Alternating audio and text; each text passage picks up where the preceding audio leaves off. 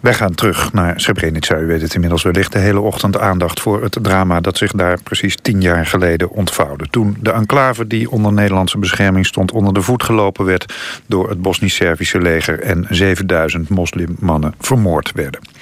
Het NIOD, het Nederlands Instituut voor Oorlogsdocumentatie... publiceerde in april 2002 een duizenden pagina's dik rapport... over de val van de enclave in 1995. En sindsdien geldt dat NIOD-rapport min of meer als een bijbel... als het om Srebrenica gaat.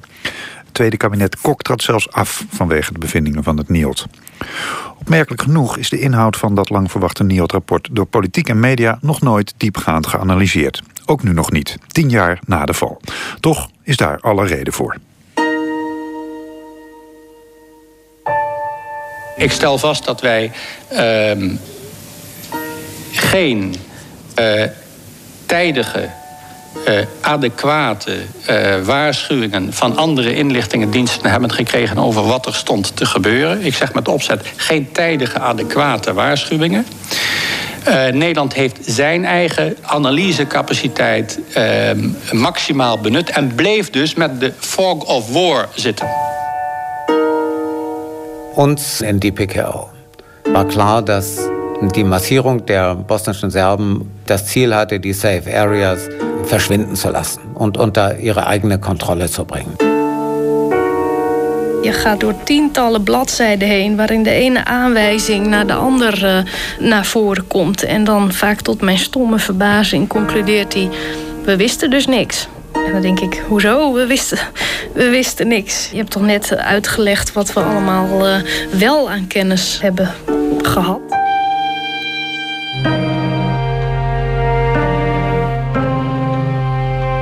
Waarom is de verovering van Srebrenica door de Bosnisch-Servische troepen op 11 juli 1995 niet voorzien?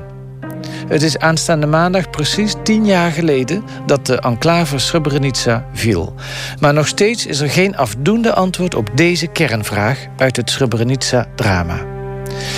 Volgens het rapport van het NIOD, het Nederlands Instituut voor Oorlogsdocumentatie, is het wel duidelijk. Voor inlichtingendiensten was het namelijk onmogelijk om de aanval te zien aankomen, omdat de Serviërs pas op het allerlaatste moment zouden hebben besloten om de enclave te veroveren. En daarom konden er ook geen tegenmaatregelen worden voorbereid. Argos buigt zich vandaag opnieuw over de waarheidsvinding door het NIOD. Hoe houdbaar is de stelling van het NIOD? Waarom zijn cruciale getuigen niet goed ondervraagd? Waarom wordt de informatie die in een andere richting wijst terzijde geschoven? En welke aanwijzingen waren er nu precies dat er een Servische aanval op handen was? In dem Frühling haben wir eben 1995 beobachtet, dass es äh, planmäßige Vorbereitungen für Sommeroperationen auf der Seite der bosnischen Serben gegeben hat. Dazu gehörte die äh, vorausschauende Auslagerung von Munition, also großkalibriger Munition.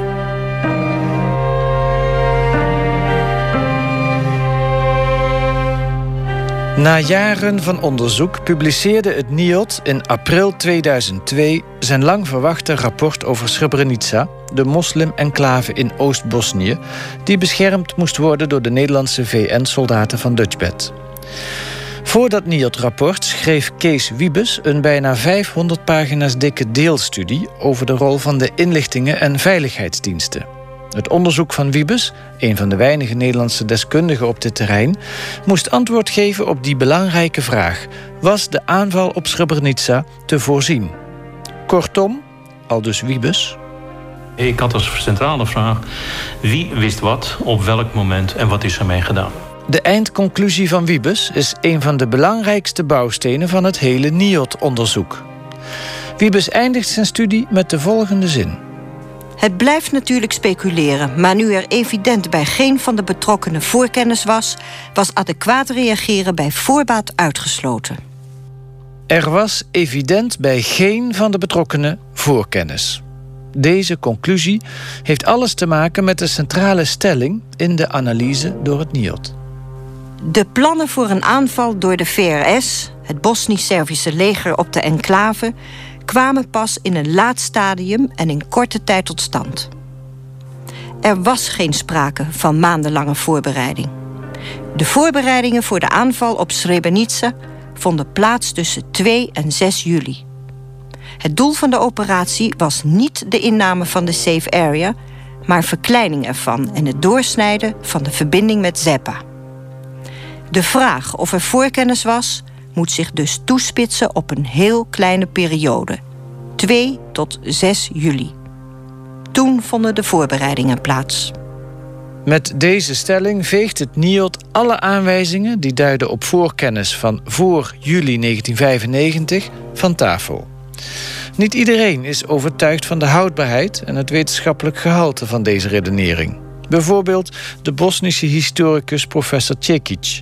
Hij is directeur van het Institute for the Research of Crimes Against Humanity and International Law.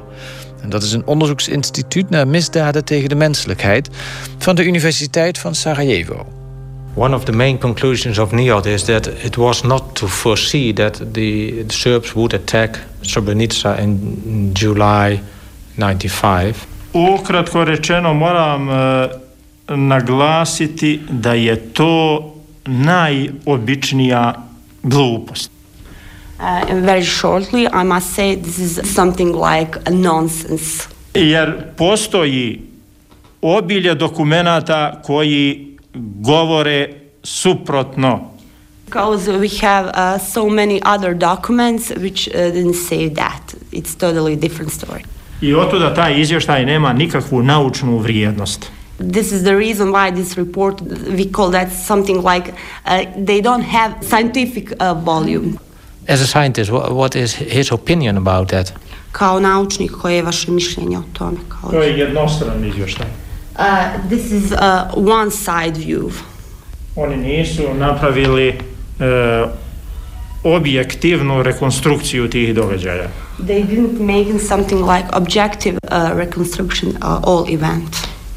Eenzijdig en niet objectief, zegt professor Cekic van de Universiteit van Sarajevo over de NIOD-conclusie. Ook Amor Mazovic, president van de door de Bosnische regering ingestelde Commission for Missing Persons, is stellig in zijn reactie. Srebrenica se nije dogodila u, u, u julu za nekoliko dana. Srebrenica se događala mjesecima i godinama prije pokolja, prije genocida. Srpske snage se svakodnevno metar po metar približavaju Srebrenici. Srebrenica ist nicht nur in Juli passiert. Das, das ist zwar passiert, aber es wurde lange bevor überlegt, organisiert.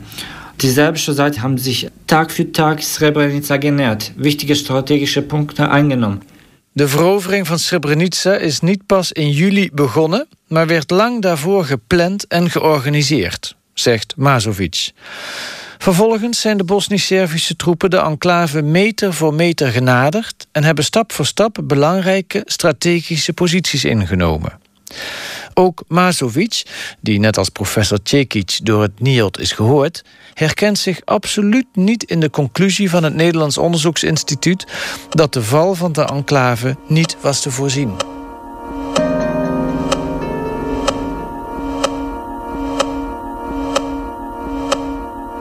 Mein Name ist Manfred Eisele. Ich war 41 Jahre lang Soldat der deutschen Bundeswehr, 1998 ausgeschieden. Meine letzte Verwendung war beigeordneter Generalsekretär äh, im Department of Peacekeeping Operations der Vereinten Nationen. Mijn naam is Manfred Eisele. Ik was 41 jaar lang militair en heb in 1998 afscheid genomen van het Duitse leger. Mijn laatste functie was Assistant Secretary-General van de VN. Het NIOD krijgt niet alleen kritiek vanuit Bosnië. De Duitse generaal buitendienst Manfred Eisele was in 1995 een van de hoogste chefs op het DPKO, het Department of Peacekeeping Operations, op het Verenigde Naties hoofdkwartier in New York, zeg maar het ministerie van Defensie van de Verenigde Naties. Als assistent-secretary-general was Eisele de rechterhand van Kofi Annan, die toen de hoogste baas was op dat DPKO. In een interview dat wij onlangs met Eisele hadden, vertelt hij over het voorjaar van 1995, over de maanden die aan de Servische aanval in juli voorafgingen. Ich bin sicher, dass es äh, Vorwarnungen gegeben hat Ik ben er zeker van dat er vooraf waarschuwingen zijn geweest over de op handen zijnde aanval op Srebrenica.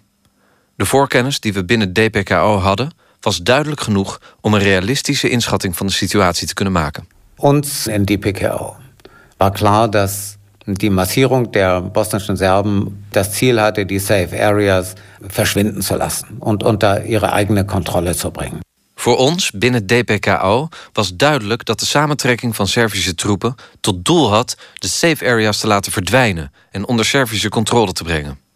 So war uns also auch klar, das Ziel äh, der serbischen Militäraktion gegen Srebrenica würde bedeuten, die UN aus Srebrenica zu vertreiben und die vollziehende Gewalt in Srebrenica zu übernehmen. Ons was ook duidelijk dat het doel van de Servische militaire operatie tegen Srebrenica was om de VN uit de enclave te verdrijven en de macht over het gebied in handen te krijgen. Es war eindeutig erkennbar, dass hier von langer Hand etwas äh, vorbereitet wurde. Im Grunde genommen war die Machtübernahme in den Safe Areas äh, aus unserer Sicht das Ziel mit wahrscheinlich der anschließenden Vertreibung der Bevölkerung. Het was zonder meer duidelijk dat hier lang van tevoren een operatie werd voorbereid met als doel de machtsovername en aansluitend waarschijnlijk de verdrijving van de bevolking. Dat zagen we duidelijk aankomen. Dahinter steht ein langfristiger Plan der Serben. Es zieht sich eine äh, breite Blutspur äh, durch äh, dieses Territorium. Und von daher musste man auch befürchten, dass gewaltsame Bevölkerungsverschiebungen aus Srebrenica hinaus zu Opfern unter der Zivilbevölkerung führen würden. Daarachter stond een Servisch plan. Omdat er al zoveel bloed vergoten was, hielden we er destijds rekening mee dat de verdrijving van de bevolking uit Srebrenica ook tot doden onder de burgerbevolking zou leiden.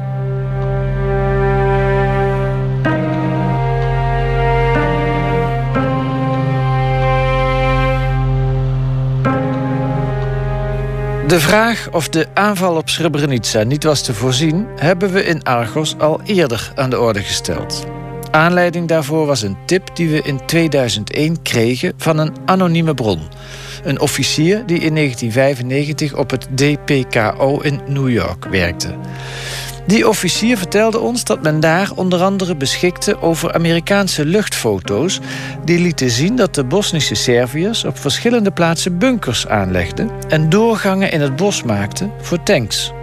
Bovendien beschikte DPKO over rapportages van militaire waarnemers van de Verenigde Naties ter plekke over Servische troepenversterkingen. We probeerden bevestiging van dit verhaal te krijgen. In eerste instantie tevergeefs. Totdat we stuitten op generaal buitendienst die het verhaal van onze anonieme tipgever bevestigde. We spraken Uizelen voor de eerste keer in april 2002. Minder uitgebreid dan nu, maar wel had hij toen dezelfde boodschap. Wir bekamen äh, normale, äh, regelmäßige Lagemeldungen, die deutlich machten, dass die bosnischen Serben die safe areas möglicherweise angreifen würden. Wij kregen in New York regelmatig rapporten over de situatie ter plaatse, die duidelijk lieten zien dat de Bosnische Serviërs de safe areas mogelijk wilden aanvallen. We vroegen toen in 2002 NIOD-onderzoeker Kees Wiebes om een reactie. Bij dat gesprek was ook Dick Schoonoort aanwezig, die als militair historicus meewerkte aan het NIOD-onderzoek. Kees Wiebes. Ik vind het heel opvallend dat hij in IJsland interview met wij met hem gehad hebben, daar helemaal niet over gerept heeft. en ook geen voorkennis heeft gehad. We er wel naar gevraagd hebben. Dat was omdat wij hebben namelijk uh, niet alleen met de heer gesproken... maar ook met andere mensen die daar werkzaam mm. waren. We hebben meneer IJsselen daarmee geconfronteerd. En toen zei hij dat pas. Niet in eerste instantie. Maar dat neem ik ook aan dat jullie de vraag hebben gesteld van waarom heeft het dan nog tot jullie geduurd? Nee, nee, maar, maar, nee, maar eerst even, eerst even dit, dit, punt af. Wij hebben met mensen gesproken die bij DPKO werkten in die tijd. En die hebben gezegd dat zij van Amerikaanse, Amerikaanse luchtfoto's te zien hebben gekregen van het gebied rondom Srebrenica. U zegt dat kan niet. Vanuit welke tijd? In het voorjaar van 95. Gewoon nou, van... Ik heb met Amerikaanse functionaris gesproken. En die, voor de één op één dan. Die stellen dat dit soort materiaal niet werd gedeeld met Department of Peacekeeping Operations. Uit angst voor lekken. Ja. Maar die man zegt dat hij het gezien heeft. Oké, okay, en wat vertelde die luchtfoto's dan is de volgende vraag. Hoe kan je op een luchtfoto aflezen een satellietfoto of U2-foto's. We hebben er heel veel gezien. Hoe kan je op een luchtfoto uit voorjaar van 95 aflezen...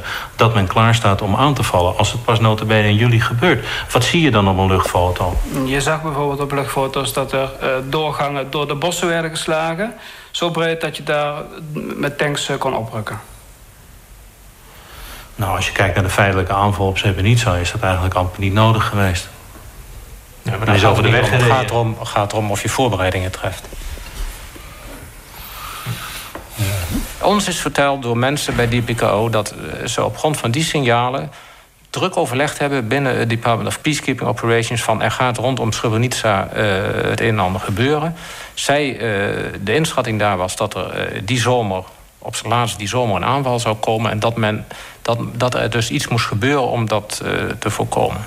En waarom is die weerslag van die intensieve discussie... waarom hebben wij dat niet gevonden? Waarom is er... Omdat hij misschien niet alles te zien heeft gekregen. Ja, maar als je over zo'n bijzonder punt praat... over de oostelijke enclaves... en je hebt informatie in New York gekregen... waarvan je weet dat ze dat blijkbaar op het veld niet hebben... dan is het tot normaal dat je een force commander Janvier... of een staf in Zagreb geïnformeerd over de op handen zijnde discussie... en wat er heeft plaatsgevonden. Nou, die stroom hebben wij nooit gevonden. Nee, maar ik zeg ook al, misschien heeft u al niet alles te zien gekregen. Ja, we hebben meer dan 900 interviews gevoerd. Waarom heeft dan niemand van de UNPROFOR-staf ons verteld... van ja, die discussie is een DPKO geweest... en dat hebben wij weerslag later van gekregen... of mondeling of schriftelijk. Misschien omdat het uiterst geheim was? Wij hebben alle communicatieverkeer tussen DPKO... de telegram tussen DPKO en Akashi en Janvier hebben wij gezien. Ja, maar ook zelfs de informele beraadslagingen... van de permanente leden van de Veiligheidsraad hebben wij kunnen inzien. In, in those uh, local environments down there, you have to respond to any threat. You have to be, uh, you would call it a bit macho, uh, because if you do not act macho down there, they will walk over you immediately. So we told them, we are from the old Viking warrior tribe, so don't piss at us because we will shoot back at you. And they really got the message. Kolonel Lars Muller uit Denemarken. In onze uitzending van 5 april 2002. Hij was in 1994 commandant van Nordbad, het Zweeds-Deense VN-bataljon dat in Bosnië, rondom Tuzla, opereerde. De Scandinaviërs hadden de beschikking over tien moderne tanks en waren daarmee verreweg de zwaarst bewapende VN-eenheid in Bosnië. Muller vertelde ons hoe hij met die tanks ook daadwerkelijk en effectief optrad. En dat maakte indruk op de Serviërs, maar ook op de Verenigde Naties. Op het DPKO van de VN in New York ontstond daarom in het voorjaar van 1995 het plan de Deense tanks naar Srebrenica te sturen. Zo serieus nam men de aanwijzingen dat de Serviërs de enclave zouden aanvallen. En men was ervan overtuigd dat het licht bewapende Dutchbed hier niet tegen opgewassen was. De Duitse generaal Eisele bevestigde in 2002 ook dit verhaal. Spätestens seit dem Frühjahr 1995 hat sich der Gedanke, äh, vor allen Dingen unter den Soldaten bei DPKO, entwickelt, ob man diese dänischen Panzer nach Srebrenica einbringen sollte, um die Blauhelme in die Lage zu versetzen, sich feindseligem Verhalten äh, erfolgreich äh, zu widersetzen. De NIOD-onderzoekers Wiebes en Schoonoord wilden ook van dit verhaal niets weten. Die overplaatsing van de Deense tanks naar Srebrenica was in de praktijk helemaal niet mogelijk. Al dus Wiebes in onze uitzending van 1 november 2002. Ja, sorry hoor, maar waar praten we over? Over een, groot stuk wat ze overbruggen moeten door Bosnisch-Serbisch gebied. Dus als je op een heuvel gaat sturen en je stuurt een antitankwapen op zo'n tank af, dan ben je weg. Je blokkeert de weg en je komt niet veel verder. Nee, maar het gaat er ook niet om of dat nou realistisch was geweest... of dat haalbaar was geweest. Het gaat erom dat er mensen binnen die PKO waren... die dat wel realistisch vonden. En het gaat erover dat er serieus over gesproken is... op basis van de informatie die men had. En dat dit een van de opties was... Hè, die ontwikkeld werden eh, om een antwoord te hebben... op de aanvalsplannen die men al de militairen heb ik het over bij die PKO... die men al in maart 1995 zag en interpreteerde als aanvalsplannen op Srebrenica. Maar kijk, je moet natuurlijk een onderscheid maken tussen uh, vrijelijk brainstormen, wat natuurlijk ongetwijfeld daar uh, veel gedaan is, en het uitwerken van militaire opties.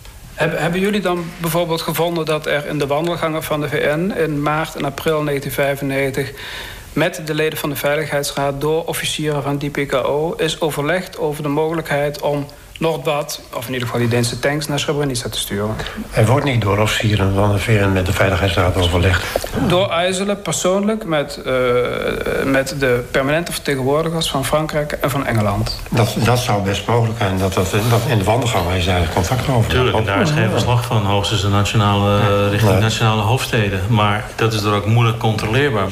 Wij hebben ook informatie dat het door Kofi Annan, die toen dus eh, hoofd van DPKO, van de Department of Peacekeeping Operations was, over die Deense optie overlegd is met Madeleine Albright, die toen de permanente vertegenwoordiger van de Verenigde Staten was bij de VN. Dan is het des te vreemd dat wij daar geen enkele schriftelijke weerslag hebben van gevonden, nog in interviews daar ooit iets van hebben vernomen. Ja, maar die informatie... Want we hebben met Albright gesproken, notabene, over alle opties die er waren... voor het versterken van de enclave, voor problemen rond de bevoorrading. Dat is door haar ook niet genoemd als het zo'n serieuze optie maar, was. Maar, maar, zou het niet zo kunnen zijn dat... met alle respect mevrouw Albright ook niet altijd het achterste van haar tong laat zien? Ja, het is nog een ander forum waarin... Toch? Nee, nee, meneer Wiebes, u kijkt zo over ja. Ja, nee, natuurlijk. Ik bedoel, je zit... Maar dat is toch wij zijn ons ook... We zijn op ons achterhoofd gevallen. We weten ook wel dat iedereen niet het achterste van zijn tong laat zien... bij dit soort precaire situaties, de oorlog in Bosnië. Maar dan nog zeg ik, dan had je toch wel elders een spoor moeten vinden.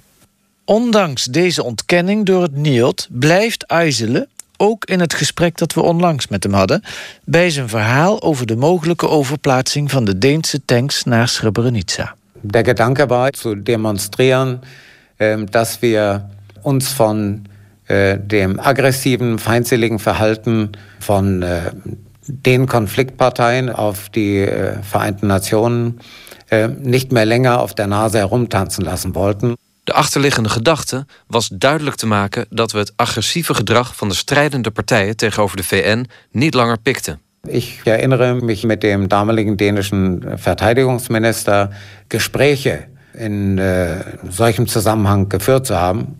Und äh, ich weiß, dass Minister Heckerop äh, die Dinge seinerzeit durchaus positiv betrachtet hat, aber sich im Klaren auch darüber war, dass er dafür keinen politischen Rückhalt im eigenen Land bekommen würde. Ik herinner me dat ik met de toenmalige Deense minister van Defensie hierover gesproken heb.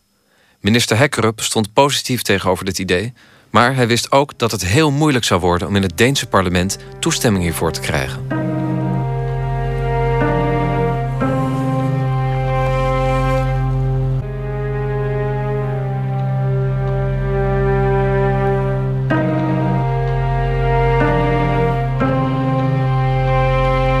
U luistert naar de ochtenden op Radio 1, de VPRO met Argos.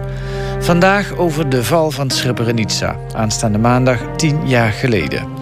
We onderzoeken de stelling van het Nederlands Instituut voor Oorlogsdocumentatie, het NIOD, dat de verovering van de enclave door de Bosnische Serviërs in juli 1995 niet was te voorzien. Het verhaal van generaal buitendienst IJzelen over de Deense tanks wordt door de onderzoekers van het NIOD niet alleen genegeerd, maar zelfs gewoonweg ontkend. En dit terwijl IJzelen bij de discussie hierover binnen de VN-top persoonlijk betrokken was. De NIOD-onderzoekers beroepen zich op gesprekken die ze hebben gevoerd met Amerikaanse functionarissen, onder wie voormalig VN-ambassadeur Madeleine Albright en hoge functionarissen van Amerikaanse inlichtingendiensten. Erich Schmid-Eenboom is directeur van het Friedensforschungsinstituut Weilheim in Beieren en was tot 1985 beroepsofficier in het Duitse leger. Hij is een van de belangrijkste experts in Duitsland op het gebied van inlichtingendiensten. Schmid-Eenboom heeft het NIOD geholpen bij het onderzoek naar de rol van de inlichtingendiensten bij de val van Srebrenica. Hij wordt daarvoor door Kees Wiebes zelfs speciaal bedankt in het nawoord van zijn boek.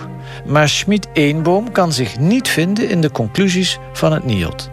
Hij is er verbaasd over hoe Wiebes zich in zijn analyse heeft laten leiden door wat Amerikaanse functionarissen hem hebben verteld. Man kann sich durchaus vorstellen, dass die Amerikaner gerade in diesem Fall nicht die volle Wahrheit gesagt haben, weil es ja ihre Verhältnisse in den Niederlanden nachhaltig belasten würde. Het zou toch de relatie tussen de Verenigde Staten en Nederland behoorlijk onder druk hebben gezet als Amerikaanse functionarissen tegenover het NIOD zouden hebben verklaard: ja, we wisten van tevoren dat de Serviërs Srebrenica wilden veroveren. Ik ga ervan uit dat Amerikaanse functionarissen allerlei beweringen hebben gedaan om de werkelijke gang van zaken te verdoezelen. Manfred Eisele somt op welke informatie het DPKO in New York in het voorjaar van 1995 had, die duidde op een op handen zijnde Servische aanval op de enclave Srebrenica. In dem Frühling haben wir eben 1995 beobachtet, dass es äh, planmäßige Vorbereitungen für Sommeroperationen auf der Seite der bosnischen Serben gegeben hat. In het voorjaar van 1995 konden we zien dat aan de kant van de Bosnische Serviërs planmatige voorbereidingen werden getroffen voor militaire zomeroperaties. Dazu gehörte ähm, an einer Reihe von Stellen die äh, vorausschauende Auslagerung von Munition, also großkalibriger Munition. Das heißt von Artillerie- und Mörsergranaten. We zagen bijvoorbeeld dat op een aantal locaties grote hoeveelheden zware munitie werden afgezet met name artillerie en mortiergranaten. Die Geschütze selber äh, aber noch zurückhielt, äh, um diese Operation nicht unnötig zu gefährden, denn diese Geschütze selber hätten also sofort auch äh, ein Ziel, möglicherweise auch für NATO-Luftunterstützung bedeutet. Het geschut zelf werd aanvankelijk nog niet opgesteld. Dit omdat die een doelwit voor NAVO-luchtaanvallen kon vormen.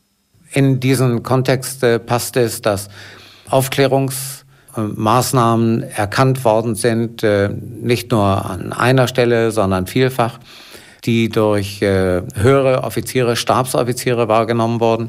Ook zagen we dat er aan Servische kant verkenningsoperaties werden uitgevoerd. Op tal van locaties en door hogere officieren, stafofficieren. Dit is altijd een teken dat een hoger commandoniveau in dit gebied actief gaat worden. En als dat dan ook nog op meerdere locaties plaatsvindt, is het geen geheim meer dat hier een grotere militaire operatie wordt voorbereid. Eine Vielzahl solcher Beobachtungen haben natürlich äh, ein Lagebild auch bei DPKO entstehen lassen, das man äh, zunehmend ernst nehmen äh, musste. Een veelheid van dit soort observaties leverde ons bij DPKO een beeld op dat we in toenemende mate als bedreigend zagen. Pa svi događaji onda neki ovaj, razgovori sa nekim Srbima, imalo je se razgovora ovako Motorolama, neki koje poznaješ, tako. At that time uh, there were a lot of uh, movements around and things that could indicate. We had some communications with Serbs uh, over the radio stations, so we knew what they were talking about. Plus, international community wanted to take uh, out Dutch soldiers from here to do an exchange. Serbs didn't want, didn't allow for an exchange of soldiers to uh, happen. They would allow them to leave, but they would not allow them to come back. Ovaj, vojnicima Holandije. Because Serbs even uh, didn't allow uh, for food to come to the Dutch soldiers at that time. Uh, uh, Bosnian, Bosnian people, they really started to panic and they were even ready to give up their own food to give it to the Dutch soldiers because it was like real, real pre-war situation again. We spreken met Hakija Mecholic in zijn kantoor in Srebrenica, terwijl een onweersbui losbarst. Aan het begin van de oorlog was hij commandant van een bataljon in Srebrenica. En toen Srebrenica tot een gedemilitariseerde zone werd verklaard, werd hij hoofd van de politie. Tot het einde van de oorlog. We hadden allerlei aanwijzingen in die maanden voorafgaande aan de Servische aanval, vertelt Hakia Mecholic. Bijvoorbeeld door bewegingen rond de enclave. Ook waren we in staat het radioverkeer van de Serviërs af te luisteren. Een andere duidelijke aanwijzing was dat de Serviërs de aflossing van Dutch tegenhielden. Ze mochten wel de enclave uit, maar er niet meer in. Zelfs het voedsel van Dutchbed hielden ze tegen. En de Bosnische bevolking raakte daardoor in paniek en mensen waren zelfs bereid om hun eigen eten af te staan aan de Nederlandse militairen.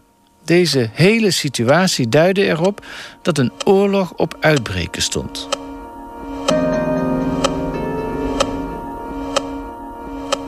Het uitmergelen van Dutchbed werd niet alleen door de voormalige politiechef van Srebrenica opgevat als voorbode van een naderende aanval. Ook op het DPKO in New York had men in het voorjaar van 1995 door wat de Bosnische Serviërs behelsde met het afknijpen van Srebrenica. Dat vertelt generaal buitendienst Manfred Eisele. Diese Abschnürung äh, der Safe Area äh, Srebrenica äh, durch die bosnischen Serben musste man eindeutig als Vorbereitung zum Sturm erkennen. Eine Vorbereitung, die sich ziemlich lange hinzog und damit die Lage innerhalb van Srebrenica zunehmend precair werden ließ. Het afknijpen van de enclave door de Bosnische Serviërs moest men destijds interpreteren als voorbereiding op een bestorming. Een voorbereiding die een lange periode in beslag nam en daarom de situatie in Srebrenica toenemend precair maakte. Dit afknijpen van de enclave is ook terug te vinden in een directieve van de toenmalige Bosnisch-Servische leider Karadzic. In onze uitzending van 1 november 2002 spraken we daarover met de politicologe Erna Rijsdijk. Zij is aan de Universiteit van het Britse Newcastle bezig met een proefschrift waarin ze bekijkt hoe de diverse onderzoeken naar de kwestie Srebrenica zijn aangepakt. Goed, en van belang is te weten dat dat dus een, een uh, van maart 95 uh, dateert. Daarin staat als, uh, als eerste zin... complete the physical separation of Srebrenica from Zepa as soon as possible... preventing even communication between individuals in the two enclaves. Nou, dat geeft Wiebes ook aan in zijn boek. De, scheiding tussen, de complete scheiding tussen die twee enclaves in het oosten... Zepa en Srebrenica. Ja. En uh, dan gaat dat verder met de zin... by planned and well thought uh, well thought out combat operations create an unbearable situation of total insecurity with no hope of further survival or life for the inhabitants of Srebrenica. Um, dat het de bedoeling was om een ondraaglijke situatie van totale onzekerheid met geen enkele hoop uh, voor het verder overleven of van het leven uh, voor de inwoners van Srebrenica uh, meer mogelijk te maken. Maar eigenlijk zegt Karadzic dan al in maart van we moeten die enclave zo zeer afknijpen dat het eigenlijk leven voor de moslimbevolking dan niet meer mogelijk is. Ja, dat uh, was volgens mij de enige conclusie die je kan trekken uit uh, deze opdracht. En uh, 31 maart geeft Mladic deze opdracht dan ook concreet door aan zijn Drina-korps. Dus aan zijn, zijn ondergeschikte, ja, zijn generaals onder hem? Ja, ja inderdaad. Politicologe Rijsdijk verbaast zich erover dat NIOD-onderzoeker Kees Wiebes deze aanwijzing over voorkennis in zijn studie wegredeneert. Evenals vele andere aanwijzingen. Je gaat door tientallen bladzijden heen waarin de ene aanwijzing naar de andere uh, naar voren komt. En dan vaak tot mijn stomme verbazing concludeert hij: we wisten dus niks. En dan denk ik, hoezo? We wisten, we wisten niks. Uh, je hebt toch net uitgelegd wat we allemaal uh, wel aan kennis uh, hebben gehad. En, maar dat, dat vind ik gewoon vrij, vrij onbegrijpelijk. De voormalige VN-topfunctionaris, generaal buitendienst Manfred Eisele, vertelt ons nog een ervaring die hij in 1995 in New York had. Im Department of Peacekeeping Operations gab es seit dem April 1995 eine Lessons Learned Unit. Binnen DPKO bestond er sinds april 1995 een Lessons Learned Unit. Een interne afdeling die VN-vredesoperaties moest gaan evalueren. Ich habe dann vorgeschlagen, wir sollten als äh, nächsten Konfliktpunkt äh, den UN-Einsatz im ehemaligen Jugoslawien äh, uns vornehmen. Und das war nicht möglich. Ik heb destijds voorgesteld om als een van de eerste operaties UNPROFOR, de missie in het voormalig Joegoslavië, te onderzoeken. Dat bleek niet mogelijk. Weil wir bei der Vorbereitung aus einigen Hauptstädten, deren Vertreter eine wichtige Rolle auf dem Balkan gespielt hatten, ein äh, totales äh, Aussageverbot für diese ehemaligen Akteure erfuhren. Bij de voorbereidingen bleek dat enkele regeringen die een cruciale rol op de Balkan hadden gespeeld, hun diplomatieke vertegenwoordigers een totaal verbod hadden opgelegd om aan een dergelijke interne VN-evaluatie mee te werken. Of dit mogelijk te maken had met de voorkennis die men had over de verovering van Srebrenica, daarover wil Eisele niet speculeren. En om welke regeringen het ging, dat kan hij zich niet herinneren, zegt hij lachend. Welche Hauptstädte waren das? Da kann ich mich nicht mehr erinnern. Dann rate ich mal. Ich sag mal Paris. Uh, your guess is as good as mine. ich sag mal Washington. Uh, ich kann mich wirklich nicht mehr erinnern. ich sag mal London.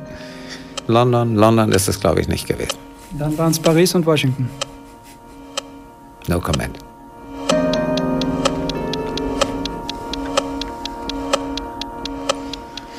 Tot zover deze reportage van Gerard Legerbeke en Huub Jaspers... over de vraag of de belangrijkste conclusie van het NIOD-onderzoek... naar de val van Srebrenica, namelijk dat de aanval niet te voorzien was... of die conclusie nu, tien jaar na dato, nog stand houdt. Zij spreken erover door met oud-minister Jan Pronk aan de telefoon vanuit Soudaan... met hier in de studio Kamerlid Bert Bakker... voorzitter van de parlementaire enquêtecommissie Srebrenica... en met NIOD-onderzoeker Ger Duizings. En die zit in een studio in Boekarest. Gerard Legerbeke en Huub Jaspers. Jaspers. Goedemorgen meneer Duizens, of bij u is het goedemiddag geloof ik? Uh, hier is het inmiddels uh, kwart voor één, ja. Ja, ja u, u wordt aangekondigd als NIOD-onderzoeker. U, u ja. was bij het NIOD-onderzoek betrokken. Uh, mm -hmm. u, u, bent antropoloog, ja. gespecialiseerd op de Balkan. U doseert aan het University College in Londen. Mm -hmm. Dit onderdeel van het rapport van, deze conclusie van het rapport van het NIOD... bent u het daar eigenlijk mee eens? Dat het niet te voorzien was? Nou, ik, ik moet zeggen... Uh, allereerst moet ik zeggen dat uh, het hele Srebrenica-dossier natuurlijk een enorm dossier is. Um, en als het gaat om deze kwestie van voorkennis... Uh, ja, kan ik niet echt uh, bouwen op uh, grondige, grondige kennis van, van, van, de, van de details van, van, van dit aspect van ons onderzoek. Mm -hmm. um, ik heb zelf als antropoloog onderzoek gedaan naar, um, naar de lokale geschiedenis in, in Oost-Bosnië en wat er dus in Srebrenica heeft afgespeeld aan het begin van de oorlog, maar ook daarvoor tijdens de Tweede Wereldoorlog. Ja. En uh, ik, uh, ik, ik, zou dit willen zeggen dat mijn eigen onderzoek, uh, wat uh, zijn weerslag heeft gekregen in een bijlage. Ja, dat is een apart onderdeel van het, ja. Ja, van, van het NIOD-onderzoek. Een apart boek eigenlijk. Ja, ja. waarin eigenlijk mijn belangrijkste vraag op de achtergrond was, was de massamoord te voorzien. Dat is een iets andere vraag. Ja.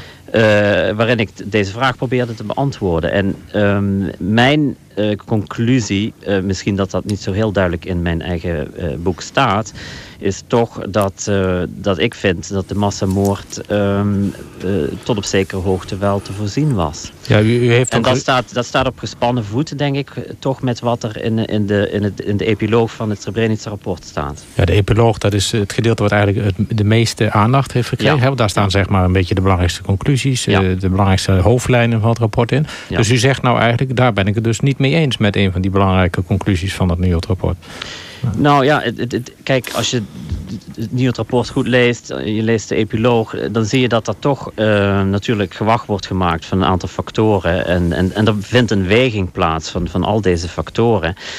Uh, in, deze, in, in, in, dat opzicht denk ik is het niet het rapport toch tamelijk genuanceerd. Uh, maar ik denk dat ik de, de, de, die weging iets anders zou maken. Ja. En dat ik uh, zou zeggen van oké, okay, de, de, er waren duidelijk sentimenten aan, aan Servische kant om tot een uiteindelijke afrekening te komen.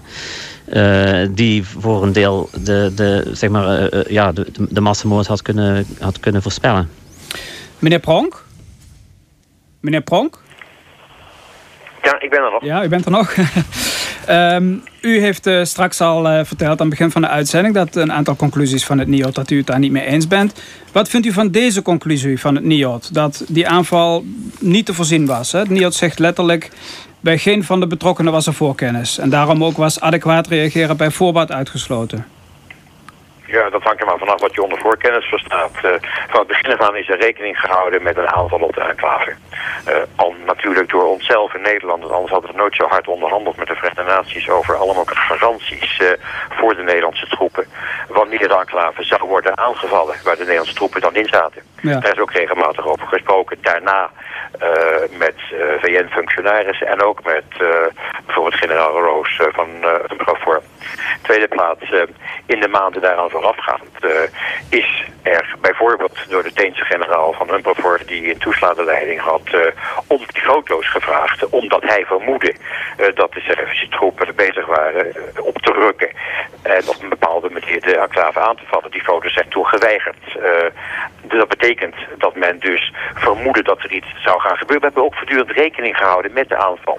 Overigens is dat niet de belangrijkste conclusie van het uh, NIOD-rapport. En dit is ook niet een conclusie. Ik begrijp ook niet waarom de heer Wiebes uh, dit zo wegredeneert. Die Nederland in een slecht daglicht stelt. Want als die voorkennis had bestaan, en die bestond naar mijn mening, dan had natuurlijk de Verenigde Naties uh, sterker moeten reageren. Meer vanuit uh, Sarajevo voorbereidende maatregelen moeten treffen. Meer druk moeten uitoefenen op Karadzic, op Mladic, om hen van hun voornemens terug te brengen. Het, dat is het, niet gebeurd. Men heeft de voorkennis die men had niet gebruikt. Het NIOD zegt eigenlijk, wij konden eigenlijk, de VN konden eigenlijk niks doen, omdat ze niet wisten, omdat ze niet zagen aankwamen. Ah, natuurlijk wist men wel. Maar kijk, wat is weten? Nog een keer. Uh, intelligence. Wat is weten? Je hebt vermoedens. Uh, je moet bepaalde scenario's uh, doorrekenen. En op basis van bepaalde vermoedens dan reageren. En dat is onvoldoende gebeurd. Dat kon Nederland op dat moment niet doen. Dat had de Verenigde Naties moeten doen. U, u zei net uh, dat de Deense commandant in Tuzla gevraagd had om satellietfoto's. Uh, wat was daar de achtergrond van? Ja. Hij vermoedde dat er wat aan de hand was. En hij heeft mij verteld op welke data hij die foto's had uh, gevraagd. Uh, zeven keer in de maanden uh, april en begin mei. Ik heb dat ook verteld aan het onderzoeksteam. maar men heeft dat niet opgenomen in het rapport. Maar dat was een heel duidelijke aanwijzing dat een profor in dat deel van Bosnië, de commandant in Tuzla, vermoedde dat er een aanval dreigde. Dat is de periode ook precies waarin die discussie in die PKO zich afspeelt... om die Deense tanks naar Srebrenica te sturen. Zou dat daar iets te maken mee kunnen hebben? Wellicht, maar ik, ik heb het verhaal over die tanks eerder gehoord. Uh, daar was ik niet bij betrokken. Dat weet ik niet, maar dat betrof wel dezelfde periode. En zowel in New York als in uh, Tuzla als elders werd er natuurlijk rekening gehouden met de aanval op uh, Srebrenica. Uh, wat men onvoldoende uh, heeft voorzien was dat die aanval zou resulteren in een massaslachting. Ja. Maar meneer, meneer Duizings, die, die, die zei net, dat zelfs dat was misschien toch wel te voorzien geweest, hè, meneer Duizings? Want dat is toch uw stelling, hè? Nou ja, ik denk dat, dat, uh, dat er onder de Servische bevolking enorm, uh, ja, enorme wraakgevoelens bestonden. Uh, die het gevolg waren van, van gebeurtenissen die in de regio plaatsvonden aan het begin van de oorlog. En het is ook in lokale media is dat ja, toch wel tot uitdrukking gekomen. Nou kan ik me voorstellen dat de Nederlanders daar geen toegang to toe hadden. Maar ik uh, heb wel het sterke vermoeden dat er uh, onder moslims in Srebrenica uh, wel een, een, een, duidelijk voorgevoel bestond dat er iets vreselijks zou kunnen gebeuren ja. na de val van de enclave. En dat is mijn, mijn inschatting, is ook misschien wel een van de belangrijkste re redenen geweest voor mannen binnen de enclave om, niet, zeg maar, om zich niet over te geven, maar om, het, om te proberen te voeten door de bossen naartoe te laten komen. Want die wisten wel wat er zou gaan gebeuren. ja, ja, ja. Ja. Meneer Bakker, u, u was... Maar ik zeg ook wat men onvoldoende heeft Ja. Want er waren natuurlijk talloze gevallen geweest. Begonnen al met uh, Vukovar. Ja. Uh, waarin, wanneer er een aanval was geweest door de Serven... de mensen op grote schaal werden afgeslacht. Ja. Dus er was een, uh, er was een geschiedenis. Ja. Meneer Bakker, u was voorzitter van de enquêtecommissie. Die parlementaire enquête die kwam er na de publicatie van het NIOD-rapport dit soort vragen van wat er wel of niet te voorzien was geweest... Uh, dat heeft uw commissie niet echt onderzocht, hè? Nee, we hebben het NIOD-rapport als zodanig als uitgangspunt uh, genomen. Dat was ook uitdrukkelijk de wens van de, van de meerderheid in de Kamer destijds. Maar is dat niet een beetje link als je niet eerst het NIOD-rapport kritisch hebt bekeken? Want dat hoeft natuurlijk niet een bijbel te zijn meteen. Nee, maar dat, dat is het ook niet. En uh, als ik hierover een opmerking mag maken... één relativerende opmerking misschien vooraf. Het is, het is wel zo natuurlijk dat een heleboel gegevens die je nu terugkijkend kunt interpreteren als uh, voorbodes van wat er zou gaan gebeuren, uh, op dat moment onderdeel uitmaakte van een enorme stortvloed van gegevens... waar je moeilijk kon, kon zeggen... Ja, dit, is, dit is precies waar men op afgaat. Nee, maar, dat is altijd zo. Maar, maar, Het, is wel zo, het is wel zo dat aan de Nederlandse kant... ook aan de kant van de Nederlandse troepen... er onvoldoende rekening is gehouden met een daadwerkelijke aanval. Men had het gevoel dat er afgeknepen werd. Het is niet zo dat men dacht van... nou ja, dit gaat allemaal goed. Want zowel op het niveau van de Force Janvier... die naar New York ging en die zei van... ik moet meer kracht hebben om daar hele slechte dingen te kunnen, te kunnen tegenhouden. Janvier was de commandant van Humpelvoort. Precies. Ja. Franse generaal. Karremans, die begin juni een brief schreef naar de Nederlandse regering. Die zei de situatie begint onhoudbaar te worden. Alleen men heeft niet, en dat heeft ook te maken met geloof ik wel gebrek aan kennis, maar ook gebrek aan het willen weten. Omdat uh, er was een houding van strikte neutraliteit. Wij zijn er alleen maar om de uh, troepen uit elkaar te houden. Maar er was niet een houding van, maar laten we dat dan ook actief gaan doen. Maar was het ook niet een houding van, als we, als we het echt willen weten, dan moeten we ook iets doen? Of, of... Ja, nee, maar men wilde dat niet. Ik herinner me een paar dagen voor de val van Srebrenica... waren er Britse commando's in het bataljon, in, in Dutchbed... die voorstelden om over de heuvels te gaan kijken... wat er allemaal gebeurde rondom de enclave. En dat is door Karamans toen geweigerd. Ik geloof dat ze het toen toch wel gedaan hebben... maar dat we het Over, nooit hebben gehoord. Overigens hebben wij met een heleboel Dutchbedders ook gesproken... Hè, maar dan lager, dus niet, niet, niet de officieren... maar die, die gewoon patrouilles liepen daar. En die allemaal dit soort voortekenen... die ook uh, net aan de orde kwamen... die uh, gezien zijn op het DPKO... die hebben ze ook allemaal gezien. Die hebben ze ook allemaal gerapporteerd. Ze hebben die opbouw ja, rondom de enclave ook gezien. Maar daar ben ik helemaal met u eens. Dat, het, het, was ook duidelijk dat er iets aan het gebeuren was. Men heeft alleen onvoldoende, geloof ik, zich gerealiseerd... dat het tot een daadwerkelijke aanval en inname van de hele enclave. Men dacht, men wil het verkleinen. Men wilde ja. lijnen met Jeppa doorsnijden enzovoort. En dat was allemaal ook waar. Daarvan zegt generaal IJzelen, hè, dat was absoluut niet zo. Bij de militairen op die PKO was dat hartstikke duidelijk. En daarom hebben wij ook gekeken, wat kunnen we wel doen? Ja, nee, ik, ik, ik, heb, ik heb het hem ook horen zeggen. Uh, uh, ik moet wel vaststellen dat ook op dat moment vanuit de Verenigde Naties... misschien wel op dat ambtelijke niveau hè, waar u het over hebt... want hij was in wezen gewoon in dienst van de Verenigde Naties. Maar niet in de Veiligheidsraad, waar Janvier eind mei zat en zei van... ik moet meer kunnen doen. Nee. Uh, dat er op politiek niveau en wellicht niet de realisatie was... maar in ieder geval ook niet de bereidheid was om meer te doen. En dat heeft natuurlijk alles te maken met politieke afwegingen... die inderdaad door de Amerikanen en ook door de Fransen toen al gemaakt zijn. Nog heel even snel terug naar, naar waar ik begon. U, u, de, de enquête waar u voorzitter van, van was. Ik zei net, is het niet een beetje link om je te baseren op een nieuw rapport? Uh, u hoort nou zelf dat een van de nieuwe onderzoekers zegt... ik ben op, op een aantal toch wel essentiële punten niet zomaar eens met Nee, maar ik, ben, ik, ben het, ik, ik ken het boek van de heer Duizings heel goed. En, en ja. dat is een heel erg goed boek dat, in, dat aangeeft hoe de, hoe de historische uh, lijnen gaan in het gebied. Uh, wat je daarvan had moeten weten. Maar we wisten het niet. Uh, wat dat betreft, uh, ik, ik, denk dat veel mensen op het niveau van Dutchbed... maar ook in Nederland, Vukov alweer vergeten waren.